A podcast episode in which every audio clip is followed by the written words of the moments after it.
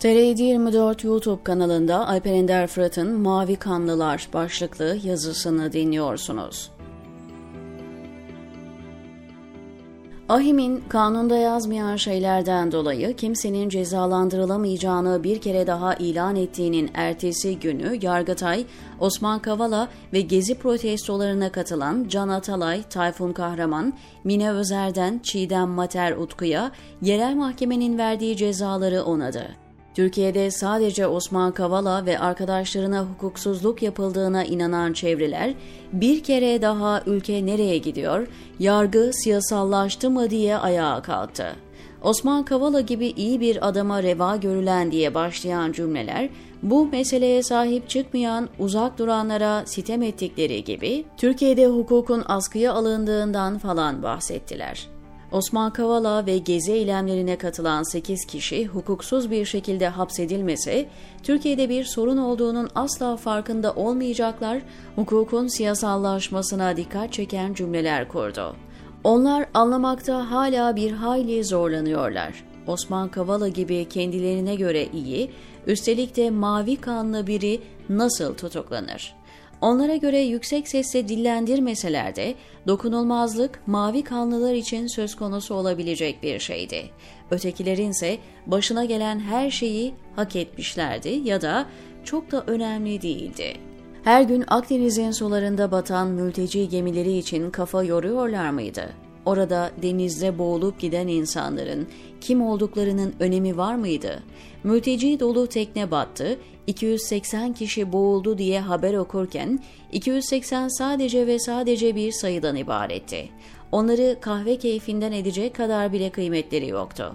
Akdeniz'in sularında boğulan binlerce mültecinin çocuk mu, yaşlı mı, kadın mı, erkek mi, canlı mı olduğunun ne kadar önemi varsa, Türkiye'nin ötekilerinin maruz kaldıklarının da o kadar önemi vardı.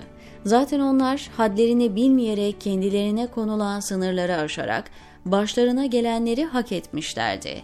Türkiye'de kendilerinden olmayan bütün tutuklamalar, işten atmalar, mallarına el konmalar sadece bir istatistikten, rakamdan ibaretti. Hukuksuzluğun olmadığını iddia etmek, Osman'a dokundukları zaman gündeme gelebilecek kadar değerli bir şeydi. Oysa hepsi o meşhur hikayeyi süslü kitaplarında okumuşlardı. Naziler komünistler için geldiğinde sesimi çıkarmadım çünkü komünist değildim.'' Sosyal demokratları içeri tıktıklarında sesimi çıkarmadım çünkü sosyal demokrat değildim. Sonra sendikacılar için geldiler, bir şey söylemedim çünkü sendikacı değildim.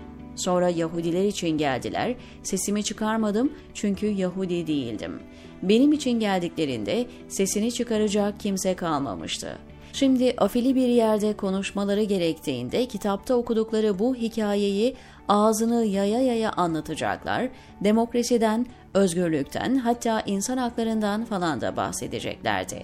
Ama gerçek hayatta hukukun koruması altına alınmak ancak bazı insanların sahip olabileceği ismi konmamış bir ayrıcalıktı.